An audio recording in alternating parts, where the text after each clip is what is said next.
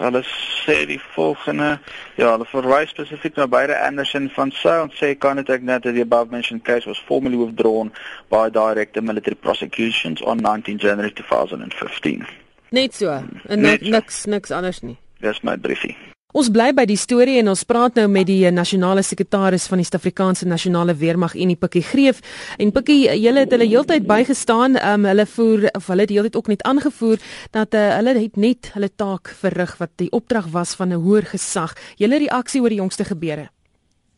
Ja, ek dink ons moet net 'n paar uh, feite uitklaar. Eerstens die opdragte waarop die uh, twee offisiere steun wat hulle uitgevoer het was absoluut niks meer verkeerd nie alle dokumentasie in hierdie in verband met hierdie vlug het daarop gedui van die Indiese Hoogkommissie af dat dit 'n amptelike vlug is wat diplomate aan boord het. Ek dink dit moet mense baie duidelik verstaan.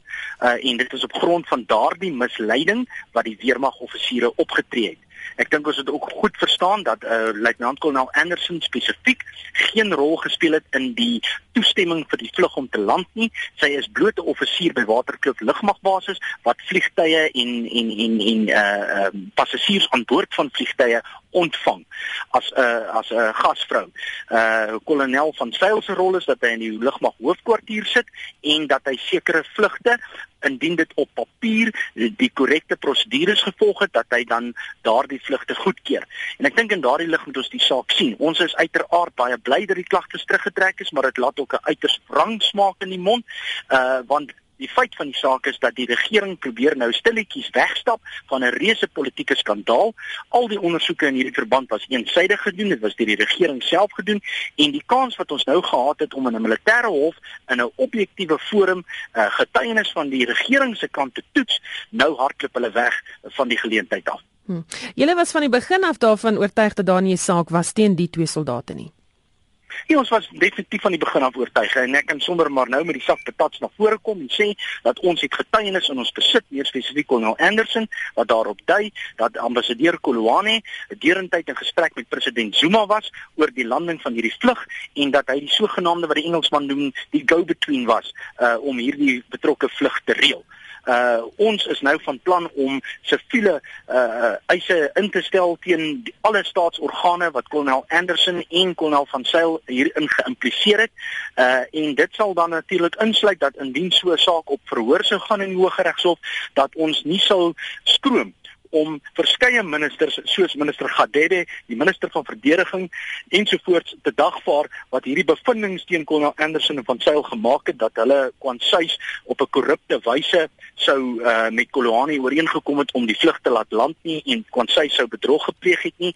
En aangesien president Zuma se naam genoem word en sy kantoor by verskeie geleenthede persverklaringe uitgereik het waarin hulle Kolonel Anderson 'n leenaar genoem het en ontken het dat hulle betrokke was in hierdie aangeleentheid is is daar 'n baie baie goeie kans dat selfs die president in persoon gedagvaar gaan word om in so 'n verhoor te kom getuig. Nou, wat het gebeur met Bruce Kolomani, die ander sogenaamde skuldigde in die saak? Op Bruce Kolowani het 'n uh, skuldig gepleit in 'n sogenaamde departementele verhoor. Hy is oor die vingers getik met 'n uh, verbering in rang en net om 'n jaar later weer bevorder te word na 'n uh, ambassadeur in België uh soos ek reeds gesê het, ons sal nie skroom om uh meneer Kolowani ook te dagvaar om agter die kap van die byl te kom nie. Hoe beïnvloed uh, al hierdie gebeure Anderson en van Sail se loopbane? Kyk, uh Anderson is natuurlik intussen met pensioen. Ehm um, maar die skade aan haar reputasie is nou in elk geval reeds uh, aangedoen. Uh kolonel van Sail is egter nou al 2 jaar wat hy geskort is uit sy pos. Ons prokureurs by van Sail Roo het ook vandag 'n uh, uh, uh, aangedring per skrif aan die weermag dat hy onmiddellik herstel word in sy pos. Uh die skade wat hom aangedoen is aan sy militêre reputasie en ook natuurlik die vordering in sy loopbaan waar hy nou vir 2 jaar by die huis moes gesit het, al daardie skade sal ons kwantifiseer en ons sal dit deel maak van die siviele eis. Uh die lede is glad nie gelukkig oor die manier wat hulle behandel is nie.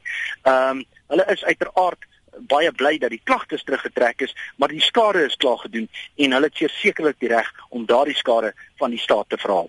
Baie dankie, dit was die nasionale sekretaris van SANU Pikkie Greef.